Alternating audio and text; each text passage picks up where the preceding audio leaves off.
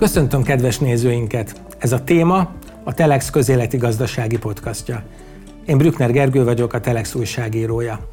Műsorunkkal minden pénteken jelentkezünk, ha nem szeretne lemaradni róla, kérem iratkozzon fel a podcast csatornánkra. Most pedig sok szeretettel köszöntöm a stúdióban Hernádi Zsolt MOL elnök vezérigazgatót.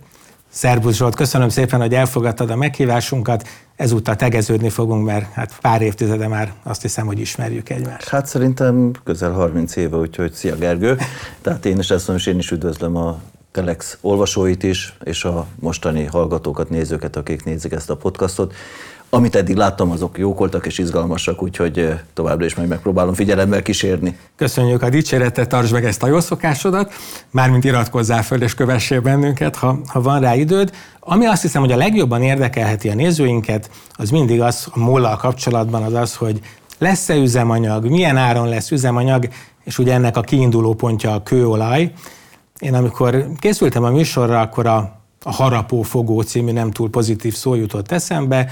Ugye csak a néző kedvéért mondom, hogy részben Oroszországból csővezetéken kapunk kőolajat Ukrajnán keresztül, részben tengeri olajat szintén vezetéken Horvátországon keresztül hozunk föl, és ugye az elmúlt időszakban mind a két oldalról azt hallottuk, hogy jelentős tranzitdíj emelésre készülnek mind a horvátok, amennyire tudom április 1 volt szerződésünk velük, de emelni szeretnének a diakon, az ukránok is emeltek, már emelni is szeretnének. Hogy látod ezt? Mennyire nehezíti meg az alapanyag ellátást az, hogy ennyire megemelkednek a költségek? És hála Istennek van még Magyarországon is kőolajtermelés, mert ezt, ezt kihagytuk a számításból. E, igaz, hogy e, fogyóban, bár most a legutóbbi vecsési találatunk e, azt mondjuk, hogy a körülbelül azt a fogyást, ami egy évben átlagosan nálunk keletkezik, az most már azt kompenzálja. Ez egy 10-15 százalék körülben, nem a Igen, nagyságrendben, ami, ami évente nálunk fogynak, és a itthon, előtermel, itthon előállított vagy kitermelt kőolaj az körülbelül 10-15 százalék valóban, ahogy mondod. Horvátországban is van még valamennyi termelés, ennek a termelésnek egy jelentős részét Magyarországon finomítjuk le, Szlovákiában viszont nincsen saját kőolajtermelésük. És az alapkérdésre visszatérve a harapófogóra, egy kicsit időbe menjünk vissza. Tehát eh, a Molnál mindig is a barátság kőolajvezeték volt az, amelyik a fő külföldi ellátási útonalat biztosította, Akkoriban részben a fogyasztás is kevesebb volt Magyarországon, részben pedig nagyon nagy volt a magyarországi kőolajkitermelés, beszélünk itt a 60-as évekről. Ugyanakkor viszont látszott az, hogy finomítót kell építeni, egyre nőtt a gépjárműforgalom, azon belül is a nehéz gépjárműforgalom, tehát kellett további kőolaj beszerzésről gondoskodni és az első kőolajvezeték, ami Magyarországra jött, az a barátság kőolajvezetéknek a szlovákiai szakaszáról ágazott le. Uh-huh. És az ott megérkezett Becsésnél, és aztán Becséstől ment tovább a Szászolombattai finomítóba. Ezt követően, amikor látszott az, hogy ennél jóval többre van szüksége Magyarországnak, akkor megépült a direkt bejövetel fényességénél. Uh-huh. Mind a kettő a déli ágban. Az északi ág az, amelyik Lengyelországba uh-huh. megy. Mind a kettő a déli ághoz tartozik. Belorussziában van az elágazás, lejön a déli ág, és aztán Munkács környékén van a másik elágazás, amikor lejön Magyarországra, illetve megy tovább Szlovákiába.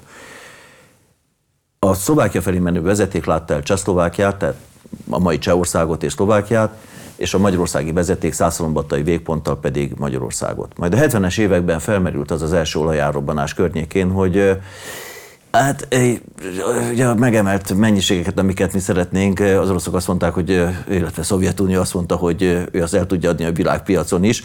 És a, Jó lenne egy másik beszerzés. És az akkori Bukarest jár miatt egy ilyen öt éves csúszással érkeztünk mindig el a világpiaci árakhoz, és akkor azt mondta, hogy ő dollárira adja az a fölötti mennyiségeket, de hogyha mi egy másik beszerzési útvonalat építünk, akkor ám tegyük meg. Azért ez a barátság kőolajvezeték, ez Európa leghosszabb kőolajvezeték, ez 5000 km hosszú. Tehát ez egészen bentről jön az Ural környékéről, és jön végig egész Oroszországnak az európai részén, és aztán valahol Csehországban Litinov finomítónál fejezi be az, az útját.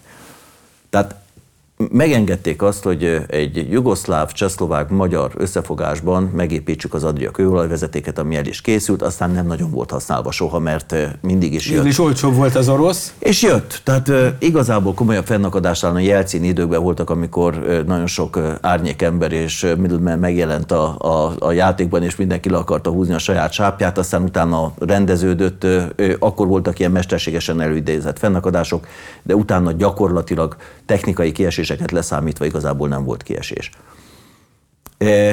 Az Adja vezetéknél 2015-ben történt egy változás, akkor, amikor ugye Ukrajna területéről Oroszország lecsatolt egy részt, a, a Krimi félszigetet, és akkor mi bennünk meg is fogalmazódott, hogy ebből lehet nagyobb zűr is. Mi van akkor, hogyha a barátságkőlevezetéket bármelyik ország lekapcsolja? És akkor el tudjuk látni a százszalombatai finomítót, de a szlovák finomító már csak nagyon kevés kölajat kap, a cseh finomító pedig gyakorlatilag semmit erről a vonalról. Igen, hát voltak is szankciók, csak az energiát akkor végül is gyakorlatilag kihagyták. Ezt kihagyták, és 15-re mi csináltunk egy nagyon komoly beruházást, amivel megnöveltük azt a kapacitást, ami Szlovákia felé ment, hogy Szlovákiát még el lehessen látni egy, ezzel a kőolaj mennyiséggel. Tehát majd durván azt mondjuk, hogy 13 millió tonna az éves kapacitása az Adria vezetéknek, és kb. 13 millió tonna importkőolajra van szüksége a Szászalombattai és a Pozsonyi finomítónak. Ha viszont leáll a barátság, akkor a Csehországi egyik finomító, amely közelebb van Szlovákiához, ami eddig a barátságról kapta a kőolajat, az ellátási problémákkal fog küzdködni. Mi ezt jeleztük a horvátoknak, hogy kapacitás bővítésre lenne szükség. A horvátok meg várnak Európai Uniós forrásokra, hogy ezt a kapacitás bővítést végrehajtsák. Igazság szerint még így is van egy feszültségpont, egy olyan kb. 80 kilométeres szakasz, egy szűk keresztmetszet, amit még egy kicsit meg kellene bővíteni, még oda kellene egy kisebb beruházás, hogy nyugodtan hátradőjük, és mondjuk azt, hogy ha teljes egészében leáll a barátság kőolajvezeték, akkor a szlovák finomító és a százszalombattai finomító teljes kapacitással működni tud. Igen, tehát gyakorlatilag Jelenleg is van azért egyfajta technikai korlát, ugye még nem hoztuk be azt, azért még visszaugranék majd a tranzit díjakra, de még nem is hoztuk be azt, hogy ugye ezen a vonalon, ezen az európai szinten is nagyon hosszú vezetéken oroszok, ukránok, szakadjárárok, nem tudom milyen érdek, tehát azért van egy fizikai kockázat is most túl azon, hogy milyen szankciók meddig engedik egyáltalán az orosz csővezetékes szállítást Magyarországra, de ha a kiinduló kérdésemre visszaugorhatnánk, hogy ez a díjemelés, ez az elnehezelő anyagi környezet, ezzel mit tudtok kezdeni? Tehát most tárgyalások zajlanak, Gergő, el kell fogadni? A szolidaritás az egy furcsa játék. Tehát a szolidaritás az elvekben mindig működik, gyakorlatban pedig, amikor a szolidaritásról van szó, akkor én tőled elvárom, hogy legyél szolidáris én velem, te pedig én tőlem ne várd el azt, hogy a saját gazdasági érdekeim ellen tegyek. És ma körülbelül ez jelentkezik. Akár hogyha Ukrajnát nézem, akár hogyha Horvátországot. Ukrajna is jelezte, hogy díjat akar emelni, tranzitdíjat akar emelni. Ott még van is egy, egyfajta, nyilvánvalóan nem egy hatalmas emelésnek az indoka, de egy kisebb emelés még meg is tudok indokolni én is, amikor azt mondom, hogy hiszen rakéta találat érte az Költségeik vannak. Az elektromos állomást, amelyik az egyik átvevő pontot, amikor Belarusziából bejön a, a kőolajvezeték, ott a, a, a, kompe, a, a kompresszorokat működtette, Ezeket az ár, kompresszorokat árammal el kell látni, ezt részben dízelből látják el, nyilvánvalóan annak magasabb a költsége, plusz agregátort oda beszerelni, plusz, plusz, plusz, plusz, plusz. Tehát nyilván van, tehát van többlet költsége, és ezt, ezt valahol azt is mondjuk, hogy ezt még el is lehet ismerni. Horvátországnál semmilyen többletköltség nincsen, Horvátország rekordgyereségű eredményt ért el az adjakő olajvezetéket működtető vállalaton, mert már jelentette, hogy emelt is tranzitdíjat, ez most körülbelül négyszerese az a tranzitdíj, amit mi fizetünk Horvátországnak, mint az európai benchmark, vagyis összehasonlítható tranzitdíjaknak a mennyisége és jelezte, hogy még további emelést kíván végrehajtani a tranzitdíjon. Ugye ez egy nagyon nehéz dolog, mert mit tudunk vitatkozni? Egy monopól szituációban lévő vállalat, ilyenkor versenyhatóságnak kellene közbelépni, ahogy például Magyarországon a mi általunk működtetett gáz tranzit vezetékeket működtető földgáz szállítóvállalat, ahol megállapítanak egy eszközértéket, arra megállapítanak egy jövedelmezős szintet, és azt mondják, hogy ennyi. És ebbe kell neked évente beleférned. Igen, te nagyon visszafogottan fogalmaztál, azt mondtad, hogy szolidaritás hiánya, nekem ez inkább egyfajta zsarolási helyzetnek tűnik, vagy a MOL szempontjából egy óriási kitettségnek. Az, hogyha te nem vagy szolidáris velem, de nem tudsz zsarolni, akkor nem érdekel. De ha zsarolni is tudsz, és úgy nem vagy szolidáris, akkor már ez egy kicsit problémás. Ha csúnyán fogalmazok, valóban ez egy zsarolás, ha kevésbé csúnyán fogalmazok, akkor azt mondom, hogy azért figyelhetnénk egymásra. Mint hogy a mi fejünkben is ott van az, hogy a csehekkel tárgyalunk, hogy mi történik azzal a litronovi finomítóval, ami, hogyha nem kap a barátság betáplálást, akkor Ingolstadt felől ahol Csehország még annak idején csinált egy betáplálást Németország felől, ami Triestből kapja egy kicsit kerülő úton a kőolajat, onnan az egyik finomítójukat el tudják látni, jelenleg még nem tudják mind a kettőt. Tehát mi tárgyalunk velük, és jelezték is, hogy egyenlőre úgy néz ki, hogy fognak tudni annyi kőolajat, többlet kőolajat kapni, hogy a másik finomítót is részben vagy egészben működik. Már is bizonyítom a, a szolidaritás hiányát, ez, a csehek problémái most annyira nem érdekelnek. De azért, de, de azért hogy érdekelj, mert az egész közép-európai egység ugyanattól szenved. Mégpedig attól szenvedünk mindannyian, hogy ezt így dizájnolták ezelőtt 60 évvel. És ettől mindannyian valahol egy picit szenvedünk, mert ebben mozgunk, nekünk nincs tengerünk. Tehát Lengyelország tudja mondani, hogy lálok az orosz kőolajszállítással, eh, tudja mondani eh, Németország, hogy lálok az kőolajszállítással. Mindenki tudja mondani, akinek van alternatívája. Mert Igen. a tengeri szállítás 150 éves. Annak van története. Nekünk egyenlőre nincs. Tehát ugye nincs. ez a kettő irány van, meg említetted a belföldi kitermelést. Mennyire a mi hibánk ez a helyzet, és most a mi alatt nem is annyira a múlra gondolok, inkább a magyar politikára. Ukrajna joggal érzi azt, hogy mondjuk Magyarország más uniós államokhoz képest kevésbé támogató velük, Horvátországgal is vannak különböző problémák, amikre majd vagy ezek részben persze a múlt érintik, vagy rátérünk később, vagy nem. Tehát ez nekünk szól ez a nagyon durva tarifaemelés magyaroknak, hogy most lehetőséget látnak, hogy nem tudom, betegyenek nekünk, vagy egyszerűen ez egy olyan üzleti folyamat, hogy megemelik az árakat, mert mert van egy olyan lehetőségük, és még hadd folytassam egy konkrét kérdéssel is, hogy egyáltalán mi van most a horvát vezetéken? Tehát jön ott azért az anyag, csak nincs szerződés, aztán majd utólag elszámoltok, vagy nem is jön most ott anyag?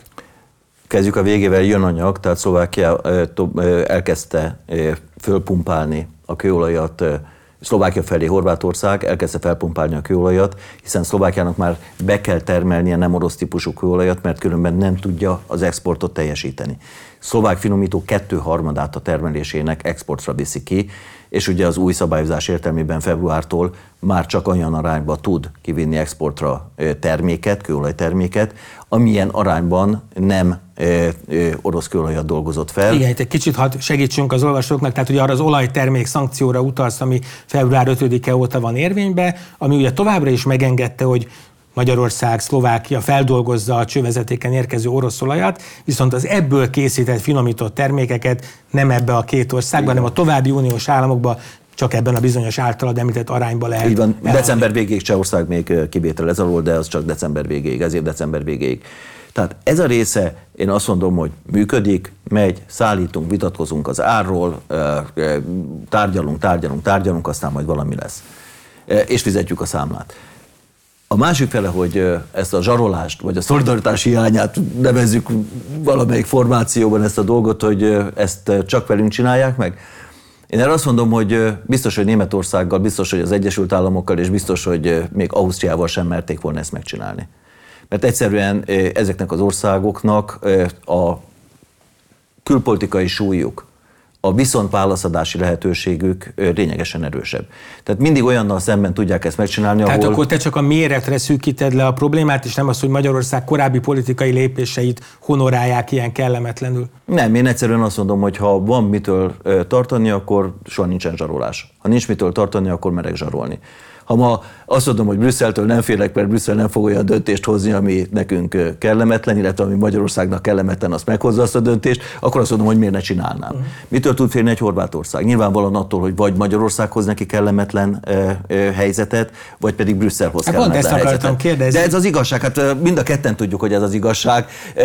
Akár szégyenlősen is tudnék erre válaszolni. Igen. És hogy nem kértek segítséget? Tehát ugye kilátásba helyeztétek, hogy esetleg Brüsszelhez fordultok, mert ez egy tisztességtelen árképzés, versenyelőnyt, vagy egy előnyös helyzetet kihasználó tisztességtelen árképzés, de nekem az is eszembe jutott, hogy hát elég jó a viszonyotok a kormányjal, elég sok adót fizettek, hogy nem kéne mondjuk most Orbán Viktornak tárgyalnia, vagy valamilyen politikai szintre emelni ezt a kérdést? Ezek általában párhuzamosan történnek mindig. Tehát amikor mi e, e, olyat, ami a molnak az érdekét sérti szerintünk szemben, hogy a nemzetközi joggal, akkor a MOL az általában azt az országot, ahol ez történik, aznak az országnak a politikusai segítségét kéri, hiszen ez is az úgynevezett brüsszeli lobbynak a része, hogy ismerd meg az álláspontunkat, mert tudod, hogy mi történik, hiszen itt élsz, ennek az ország, vagyis ez lehet Magyarország, lehet Szlovákia, mert egy másik konkrét esetben viszont Szlovákia járt el, hogy a szlovák kőolajtermékeket tudják reexportálni Ukrajna felé még akkor is, hogyha oroszolajból történt, mert Ukrajnának meg szüksége van termékekre. Ez nagyon érdekes, az oroszolajból készült termékek segítik az ukrán, akár katonai járműveket. Itt, a szlovákok ismerten a ukránoknak adnak el üzemanyagot, vagy ezt mi is csináljuk? Ezek nem ezt? nagy mennyiségek, ezek nem kell valami ördöngösen nagy mennyiségre gondolni, de például, hogyha az előbbi szóhasználatra írva az a, azt a kompresszorállomást, amit egy agregátor táplál elektromos árammal, azt, ahhoz kell dízel. Azt a dízet valahol meg kell vásárolni. Tehát ezek, ezek elő előfordulnak, és ebből nem kell semmilyen titkot csinálni, tehát ezek teljesen nyílt és nyilvános dolgok. Ukrajnának pedig igen szüksége van üzemanyagra, hiszen az ő finomítója az a rakétatámadásoknak az első áldozata volt. Ja, ezt nem tudtam, tehát neki ki is van lőve. Neki ki van lőve, bizonyos üzemeket újra tudtak indítani, bizonyos üzemeket nem tudtak újraindítani, ez egy nagyon komplex egy finomító, tehát valamekkora termelése van, de mondjuk azt, hogy az néhány százaléka az eredeti termelésnek.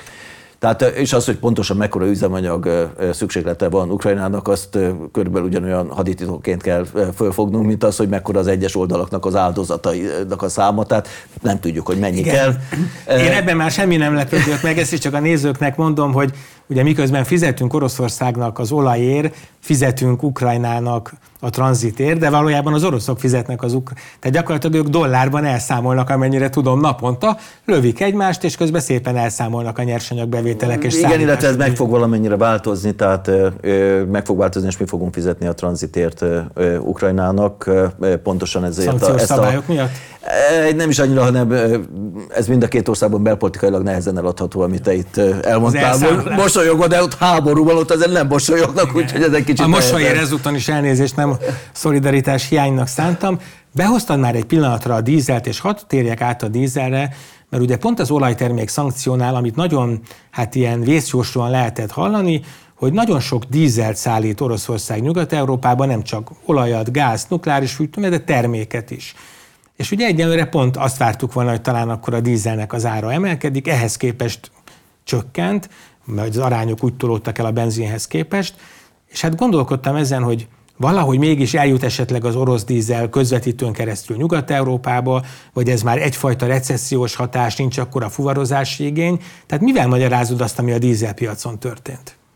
Hát van egy klasszikus, imádom ezt a szót, magyar szót rá, bespájzolás. Tehát miután mindenki tudta, hogy februárban életbe lépnek ezek a szankciók, és 10% körüli Európában az a dízel mennyiség, vagy dízel hiány, amit Oroszországból pótoltak. Európa dízelhiányos földrész, fogalmazunk így. Ezt 85-90 százalékban Oroszország pótolta, ami Európában dízelből hiányzott. Leginkább Lengyelország, a balti országok, Németország, ezek voltak a legnagyobb fölvevői, Románia, ezek voltak a legnagyobb fölvevői az orosz dízelnek.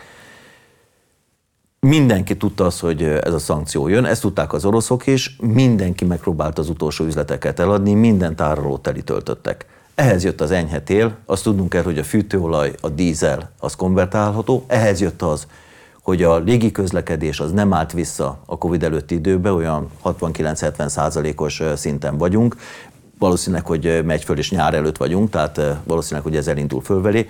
Ez mind fogyasztás csökkenés. Tehát sem a tél, sem a, a, a, a légiközlekedés az nem hozta vissza azt a fogyasztást, amivel nagyon sokan számoltak. És valóban a magas kamatlábak azok nem tesznek jót a növekedésnek. Tehát magas kamatlábak mellett oltatlanul enyhül a növekedés, nagy Isten recesszióba is megy át néhány mhm. ország. De ha ez bekövetkezik, jövő... ugye ezek a dízelfogyasztás az GDP függő. Ha nő a GDP, nő a dízelfogyasztás, uh-huh. most nagyon leegyszerűsítve, mert a dízellel árut szállítunk alapvetően. Picit az autók is fogyasztanak, a személyautók, de a nagymérték az valamilyen formában az áruszállításhoz kapcsolódik. Ha tehát a GDP egy picit visszaesik, akkor a dízelfogyasztás az oldatomra elkezd csökkenni. És hogyha jövőre vetítem ki ugyanezt a kérdést, tehát hogyha volt egy bespázsolás, akkor az előbb-utóbb hát kijön a, kijön a raktárból, ha nem lesz végül recesszió, akkor előbb-utóbb megint beindul a gazdaság. Tehát milyen a dízel mérlege most Európának, és akkor egy kicsit megint visszahoznám azt a kérdést, hogy lehetett ilyeneket hallani, hogy nem tudom, Marokkó, Törökország, India, tehát hogy valamilyen kerülőúton azért csak eljut az orosz termék. Tehát hogy látod ezt, a jövőben lehet-e súlyos dízelhiány Európában, vagy valahogy megoldja ezt a piac? A piac mindig mindent meg fog oldani, legfeljebb drágább lesz meg egy kicsit több széndiokszid megy ki a levegőbe, mert hiszen, hogyha történetesen most Oroszország elszállítja Indiába a kőolajat vagy a dízelt, India pedig eladja a saját dízelét, a belföldi piac helyett eladja Európába, akkor óhatatlanul a hajók, és még itt senki nem szeget szankciót. Mert a India soha nem vállalta azt, hogy ő nem fog orosz kőolajat feldolgozni, és soha nem vállalta azt, hogy nem fog orosz dízelt a saját piacain értékesíteni, viszont az indiai dízel így feleslegesé vált Indiába, tehát be tud jönni Európába, ez már a mostani számokból is látszik, tehát ilyen 20-25 százalékos növekedés volt már az év elején az indiai dízelből, és ez valószínűleg, hogy továbbra is nőni fog, ami Európa irányába jön. Igen. Ez egy kicsit több széndiokszid, de a mennyiségek a világpiacon ki fogják magukat egyenlíteni. Igen. Két Ami... negatív megjegyzésem van erről, az egyik a környezetvédelem, tehát hogyha feleslegesen sokkal nagyobb szállítási útvonalat tesz meg a termék, azzal, azzal senki nem járt jól, illetve még azt mondta egy mérnök, te ugye a teljesen kóser megoldást írtad le, amikor az indiai anyag jön ide, csak az orosz piaci legyártott vagy finomított dízelbe megy az indiaira, én azt hallottam, hogy a nyersolajnál sokkal jobban ellenőrizhető a szankció betartása, mert a különböző helyekről származó olajnak különböző karakterisztikája van, kéntartalom, nem tudom, nehézség, de hogy a finomított termék az már sokkal egységesebb, tehát nehezebb is megkülönböztetni, hogy ez tényleg indiai, vagy orosz finomított anyag. Plusz sokkal kisebb hajókon szállítják, sokkal nehezebb ilyen formában követni, kisebb kikötőkbe férnek be, azért ezek a bődületes nagy tankerek, amivel a nyersolajat hatékonyan lehet szállítani, azok nagyon könnyen nyomon követhetők. Tehát azok a szatelitek rá vannak állítva a tankerekre, hogy éppen merre mozognak és hova viszik azt. Tehát igen, ezek a trükkök, ezek mind ott vannak, és ha megvannak, és ha léteznek, hát mi láttuk ezt be szép kis hazánkban, hogy abban a pillanatban, amikor bejött az árszabályozás, akkor hányféle trükköt vettek elő rögtön az emberek, hogy kikerüljék. Na most ott, amikor egy, egy ilyen szuper nagy tengerjáró 300 ezer tonna, 300 ezer tonna szorozzuk be 7 és félel is, akkor az annyi barel, tehát az 25 millió barel kőolajjal a fedélzetén elindul, hogy abból, hogyha azt tudunk keresni 20 dollárt vagy 25 dollárt, hogyha az orosz olajat európai piacon adjuk el, akkor azt a, az a 25 dollár meg fogja találni az útját. Tehát én azt mondom, hogy igen, ezek a trükkök ezek bennek, ezért a kőolajat sokkal jobban is figyelik, és a dízelt az sokkal kevésbé figyelik. És azok a trükkök, amikről beszélsz, az valószínűleg, hogy a dízelnél meg lesznek, de ha nem lesznek meg, a szintiszta, ahogy te fogalmaztál, az a kóser feltételezés szerint, ha semmi más nem csinálok, csak azt a piacot, amit eddig a indiai finomító látott el, ezt mostantól kezdve én látom el, azt a finomított nyersolajat pedig, amit te ott kiterme, kihoztál, annak a termékeitnek betolom az európai piac. Szólhat bárki egy szót is? Az európai piac egyensúlyban lesz, drágább lesz vélhetőleg a termékára, mert hiszen ezeket ki kell fizetni valakinek, és még egyet. Hány hétig van tengeren az a hajó? Annak van egy finanszírozási költsége. Tehát az a mennyiség, az tesz egy utat. Az biztos, hogy meg fogja tenni azt az utat. Tehát senki ne gondolja, hogy a tengeren átszivattyúzzák, vagy valamizét, az el fog menni oda, és aztán egy másik kikötőből pedig az a saját termék fog ide visszajönni. De az azt jelenti, hogy meghosszabbodnak a, a finanszírozási útvonalak és a finanszírozási költségek is, ami az árban mind be fog épülni.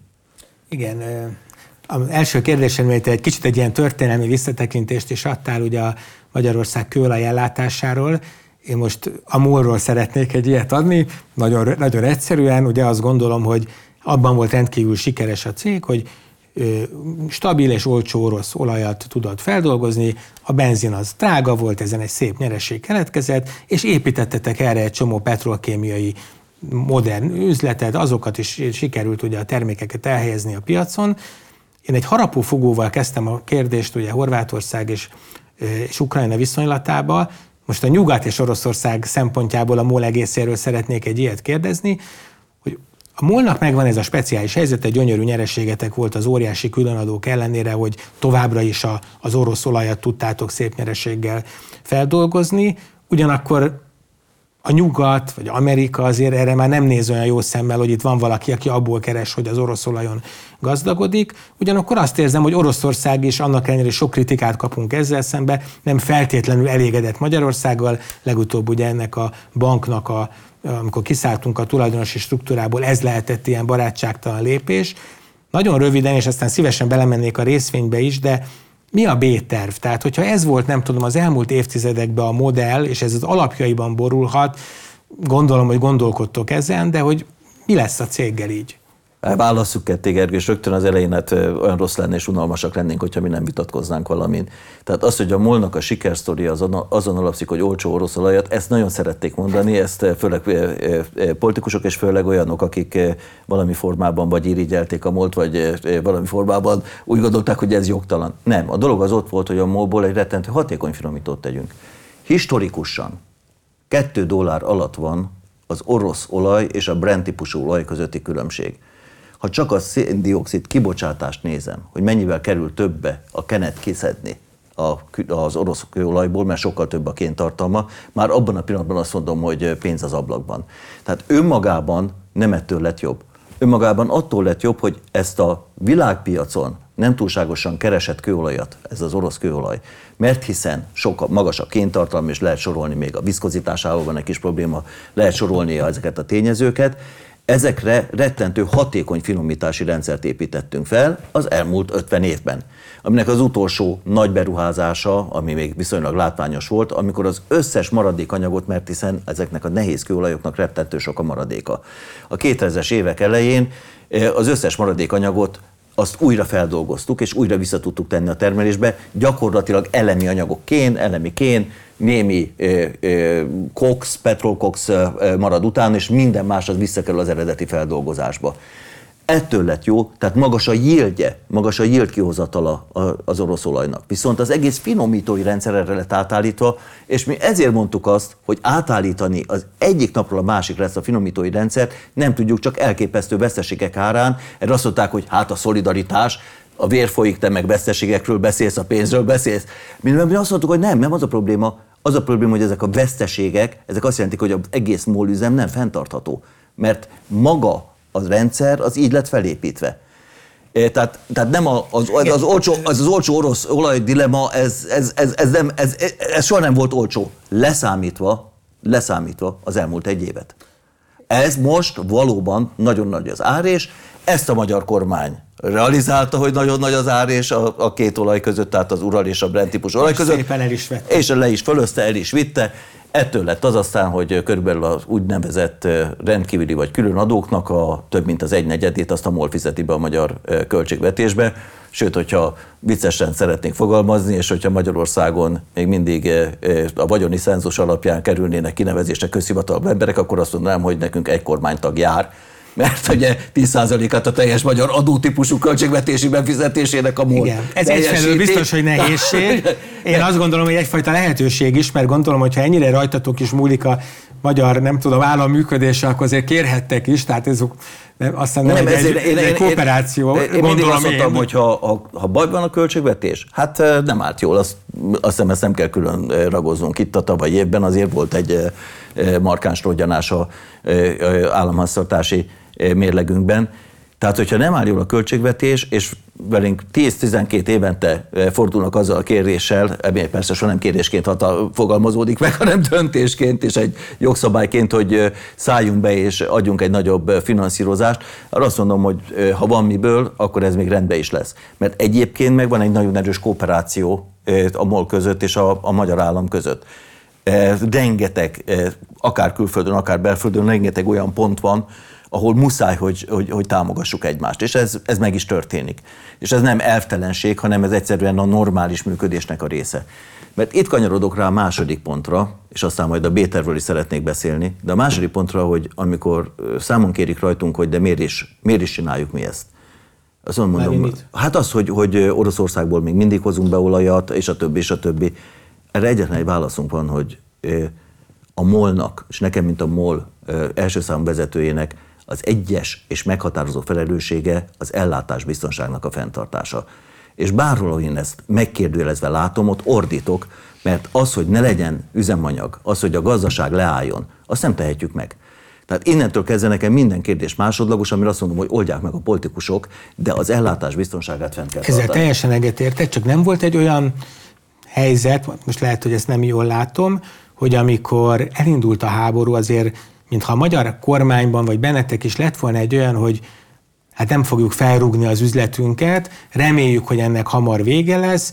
Tehát ugye egy olyasmire gondolok, hogy a környező országok lehet, hogy ez üzletileg nem racionális, lehet, hogy veszélyezteti az ellátásbiztonságot, de mintha gyorsabban léptek volna valamilyen nem tudom, leválás irányába, ilyen gázvezeték, Kicsoda? olyan alternatív. Egyet mondjál. Mindenki. Szerintem ne, a transzalpány kétirányosítása, a görög-bolgár interconnect, ez a gázt mondtam, de de, de van, de Litvinov, te is említetted. Tengerpartjuk van. Litvinovnál meg, meg volt az alternatív vezeték Ingolstadt felől, és az, az nem a cseheken múlt az. Szlovákok, lengyelek, hát mindenki azt jelenti, A szlovákok, bocsánat, a szlovákok nem, a szlovákok azok, azok, azok, azok, a szlovákok, de a szlovákok ezért nem is, Brüsszelben ezért nem is mondták azt a szlovákok nagyon hangosan az elején, hogy bocsánat, ha nem kapunk eh, kőolajat, akkor nagyon komoly probléma lesz a, a pozsonyi finomítóval, mert azt mondták, hogy ez nem a mi problémánk.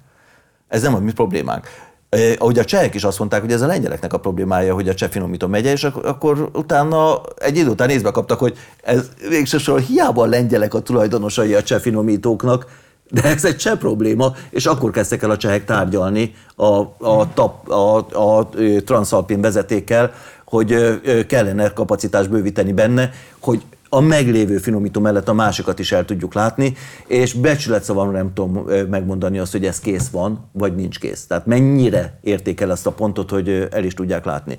A lengyelek le tudtak válni az orosz gázról? Hát azzal a tengerparttal, ami nekik van, persze, hogy le tudnak válni. Jó, nekik nyilván más a helyzet. De ezért mondom, hogy, hogy az, ami a mi helyzetünk, az rettentő korlátozott. De Tehát... akkor máshogy kérdezem, mit tettünk mi? Tehát, hogy azért gondolom, ez a, az, hogy mindenki látja, hogy... a helyzetet. Tehát azért rettentő fontos pont volt, hogy stabilizáltuk a helyzetet, tehát például a szankcióknál elértük azt, hogy ne azonnal és ne ilyen hatású legyen Magyarországon a szankció. Ez vonatkozott mind a gázra, mind pedig az olajra. Marra könnyű azt mondani, hogy a gázra nem volt szankció, olyan direktben nem is volt, mint az olajra, hanem indirekten. A gázársapka, meg nem így készült el az eredeti tervezet a később végén elfogadtak, az már egy nagyon-nagyon felpuhított tervezet volt.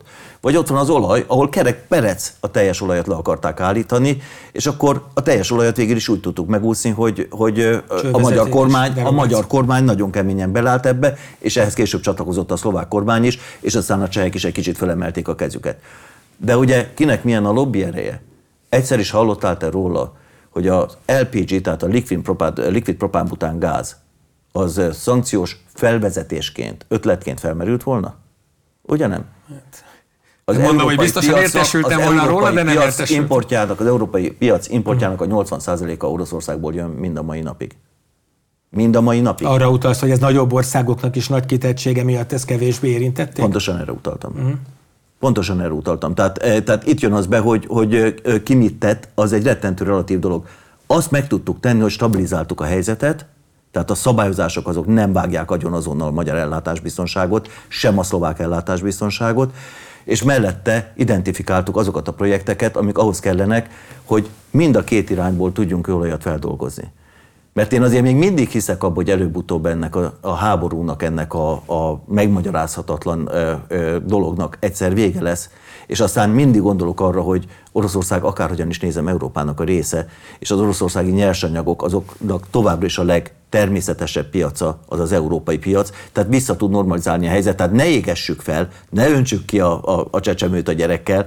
Én emlékszem arra, amikor a 90-es években senki nem akart az oroszokkal üzletet kötni, csak úgy, hogyha mindenféle állami garanciák, parlamenti garanciák voltak rajta, mert a Jelcin Oroszországgal nem lehetett. Jelentem az első tiszta vegyes vállalatot az Orosz Federáció területén, a MOL kötött a Jukosszal 2000 2002-ben, Megyesi Péter jelenlétében, még emlékszem is rá. 2004-ben már nem fértünk oda az asztalhoz, mert már mindenki ott volt. Tehát azért ez, ez, ez egy ilyen, ez a világ az ilyen. Én most ne, ne haragudj, vissza fogok jönni inkább a jelenbe, bár ezen én is gondolkodtam, hogy milyen érdekes, hogy például amikor a szurgutat, amelyik ugye be akart szállni a molba és ellenséges részvényesnek minősítettétek, hogy utólag milyen jó döntés, ugye a jelen helyzetből megítélni, hogy nem kell egy orosz tulajdonossal bajlódnia most a De az egész az ÖMV-vel indult, bocsáss meg, igen, igen, ismerjük igen. egymást, mert a, az ÖMV adta el a szurgutnak. Igen, a amit ugye mi mindig mondtuk az elejétől, hogy ez, ez a meccs le van játszva, tehát mindig az volt a mondásunk. De visszatérve jelenhez, tehát én azt mondom, hogy, hogy stabilizálni a helyzetet, megtartani a biztonságot, és utána megkezdeni azokat a beruházásokat, amik 5-600 millió dollárra rúgnak. Most én is csinálhatnám azt, amit a horvátok, hogy megvárjuk az Európai Uniós pénzeket, és majd abból csináljuk ezeket a beruházásokat. De most a horvátoknál van Európai Uniós pénz, mi nálunk ez per pillanat nem nagyon van. Ezeket a beruházásokat mi elkezdtük. Körülbelül 30 projektet azonosítottunk be, 13-at Magyarországon, 13-at Pozsonyban, és körülbelül négy olyan projekt van, amelyik mind a két országot érintő logisztikai beruházások. Ez az 5-600 millió dollárról beszélünk. 500 millió dollár redundás kapacitást építünk ki, azaz azt jelenti, hogy a folyó napi működésünkhöz nincsen szükségünk rá. Ez csak akkor van, hogyha mi nem tudunk hozzájutni többet orosz olajhoz. Szomorú megjegyzést fogok tenni, hogy ugye valójában tényleg van abban valami tragikus, hogy a net zero célja idején, nem tudom, foszilis infrastruktúra és foszilis fejlesztés, redundáns foszilis fejlesztésekbe. Teljesen fölöslegesen, igen. Pénzt, csak ugye sajnos ott van a másik, és hát ugye az úgy kezdődött, hogy a másik visszaütött, hogy azt is nagyon erősen vallom, hogy nem lehet semmit se csinálni, ugye nem lehet nem csinálni valamit, amikor Oroszország ugye nem, csak megtámadta a szomszédosan. Csak harakirit nem szabad csinálni. Tehát, e, e, tehát itt, itt van a itt van a, a súlyponti különbség, hogy azt mondom, hogy van olyan ország, ahol ez kevésbé számít, és van olyan, amelyiknél sokat. Igen, a net zero-nál, tehát ugye ez az egész ez az egész szörnyű dolog, ez a háború, ez pont akkor érkezett, és a Covid után, amikor éppen elindultunk ki a recesszióból, pont akkor érkezett, amikor az Európai Unió soha nem látott mértékű és erős vállalásokat tett a net zero felé, hogy 2050-ben hogyan fogjuk elérni. Na most ahhoz képest mekkora visszakanyar csináltunk? A szénerőbeknek a visszaállításával, a gáznak az elképesztő behozatalával, az, hogy egy LNG tankerben behozott egy köbméternyi földgáz a károsanyag kibocsátása pontosan ez miatt, hogy amíg azt cseppfolyósítom, visszagázosítom, meg még szállítom is, az körülbelül háromszor annyi, mint a sima földgázé. És még sorolhatom ezeket a lépéseket, ami valóban így van, hogy amikor valaki háborúról beszél, akkor ne ezeket méricskéje, de ez szörnyű, mert ezen az úton viszont tényleg elindultunk. Igen. És, és a, a B-terv az ez, hogy ezen az úton hogyan tudunk tovább menni. Mert ez a probléma, ez egy alapkérdés, tehát az ellátásbiztonság egy alapkérdés, de van jövő utána is. Amikor ezt fixáltuk, akkor utána továbbra is arról kell beszélnünk, hogy hogyan fogjuk elérni 2050-ben a net zero-t. Maga, mint MOL hogyan fogja elérni, és maga, mint Magyarország hogyan fogja elérni. Na ez a, ez a B-terv, ez a jövő, és ez az, ami, ami nekünk stratégiailag nagyon fontos. Igen. Ez borzasztóan érdekelne, ne haragudj, csak a, a, az időkeret miatt hadugorjak egy éles váltással olyan témákra, amiket még szívesen érintenék, és, és jó lenne, ha némi átkötéssel mondjuk van azért annyi analógia, hogy cseppfolyósított témával szeretném folytatni, csak már nem a gázzal. Ugye új székházba költöztetek, mi robbantottuk ki a piszoár ügyet.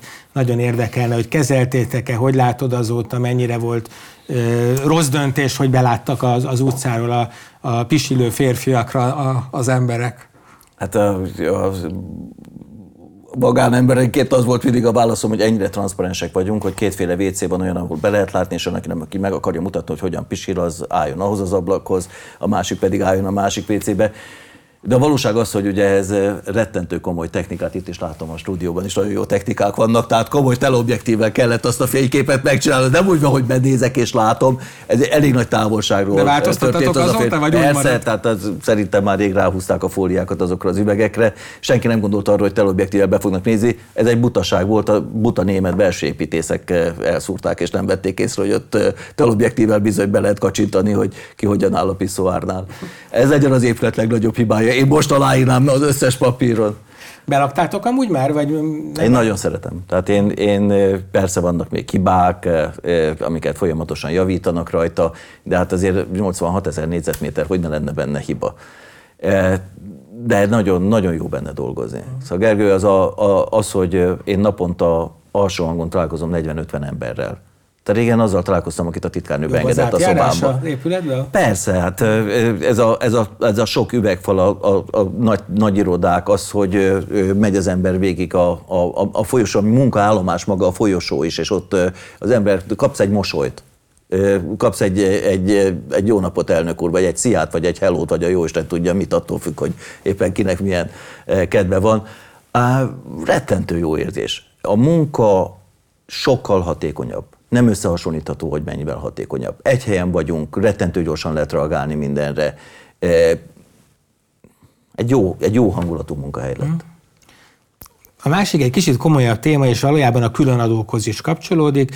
Ugye nem tudom, hogy hogy kell most a MOL részvényt értékelni, mert nyilván nyereséges a cég, jól működik viszonylag jó még mindig az árkörnyezet, de hát amit termeltek, azt ugye nagy részt el tudja venni az állam, ugyanakkor nagyon sok mindenben számít is rátok, akár most gondolhatok a részvénytársaság osztalékára, ami ugye egyetem, kulturális célok finanszírozásában működik közre, és elhangzott korábban, de azért most újra visszajött ez a téma, például az is, hogy akár a Budapest reptér, Budapesti reptér megvásárlásában is a MOL lehet a partner, mennyi forrásotok van még, amit ugye ilyen olyan módon föl lehet használni, bírjátok-e még? Például, hogyha konkrétan a reptérre rákérdezhetek, reális-e az, hogy a MOL beszálljon ebbe az üzletbe?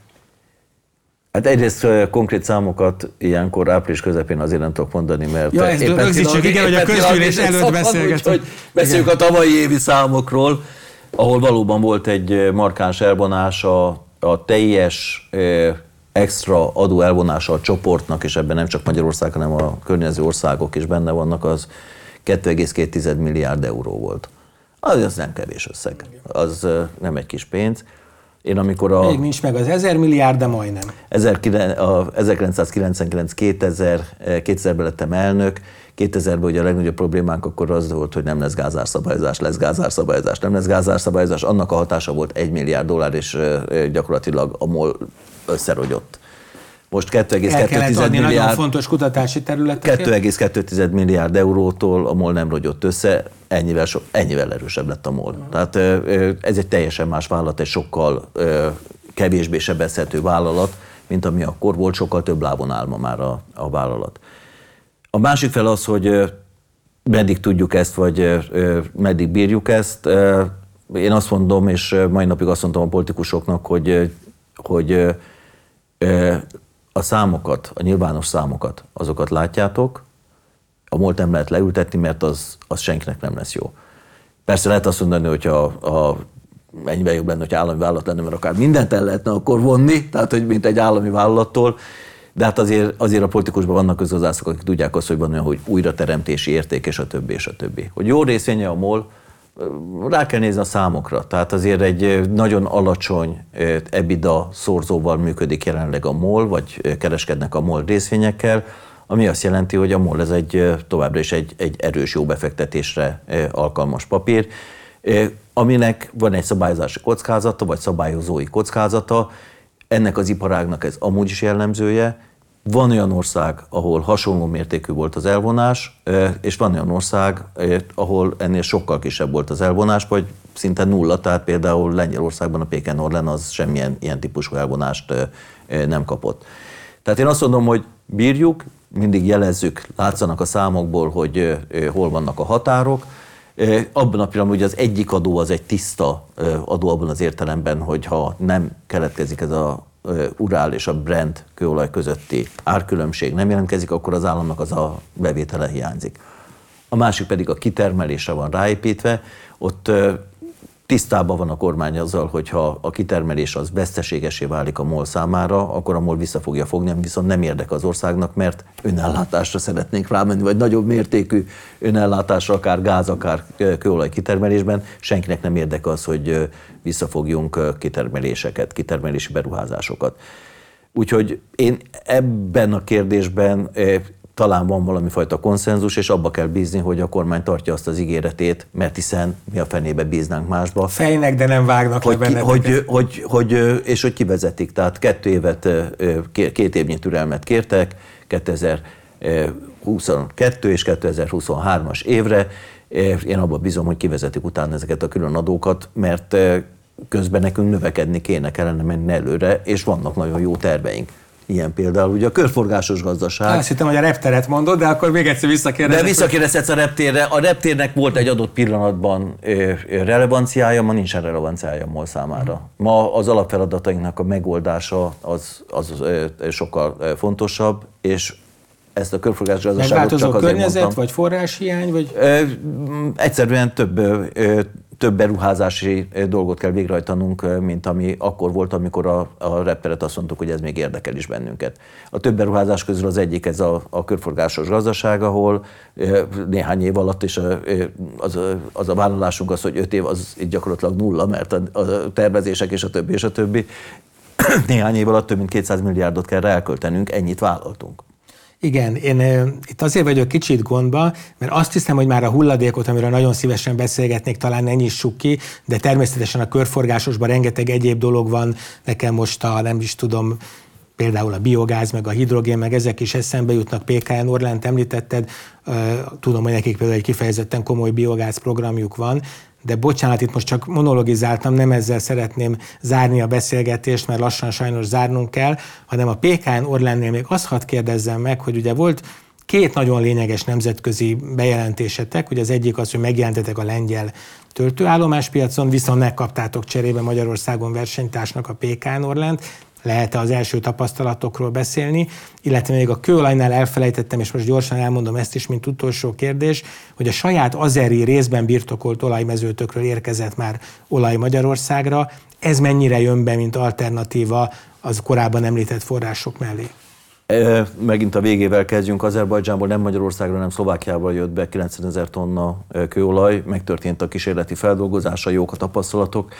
Ez azt fogja jelenteni, hogy fokozni fogjuk a behozatalt, direkt behozatalt a csoporthoz az azeriből, és ilyen beruházásokat akarunk még végrehajtani. Tehát a kérdésedre, hogy repülőtér vagy azeri kőolaj típusú beruházás, azt mondom, hogy azeri típusú kőolaj beruházás, vagy ez az Azerbajdzsánban lesz, vagy máshol, az egy másik kérdés. Beengedni a PKN Orrent vagy nem, az első válaszom az, hogy a MOL sikerét annak köszönhette mindig, hogy versenyben volt. És versenyben győzte le a saját konkurenciáját. Gondoljál bele, amikor 2000-ben átvettem a MOL-t, akkor mindenki az ÖMB-re esküdött. Aztán ÖMB-nek volt 10 nagyon rossz éve mi hozzánk képest. E, aztán az ÖMB is észbe kapott, és ő is elkezdte észrevenni azt, hogy a MOL lehagyta őt minden, minden szegmensben, akkor az ÖMB-nek voltak jó évei. De ez a normális. Tehát én tőlem jöjjön nyugodtan a pék. Hogy gondolhatnám azt, hogy bemegyünk Lengyelországba? Több, a most ott lévő kutjainknak a száma az nagyobb, mint a magyarországi molkutaknak a száma. Tehát bemegyünk ebbe az országba, és azt mondja a lengyel, hogy de én is beszeretnék menni hozzátok, na te ne gyere hozzá, te.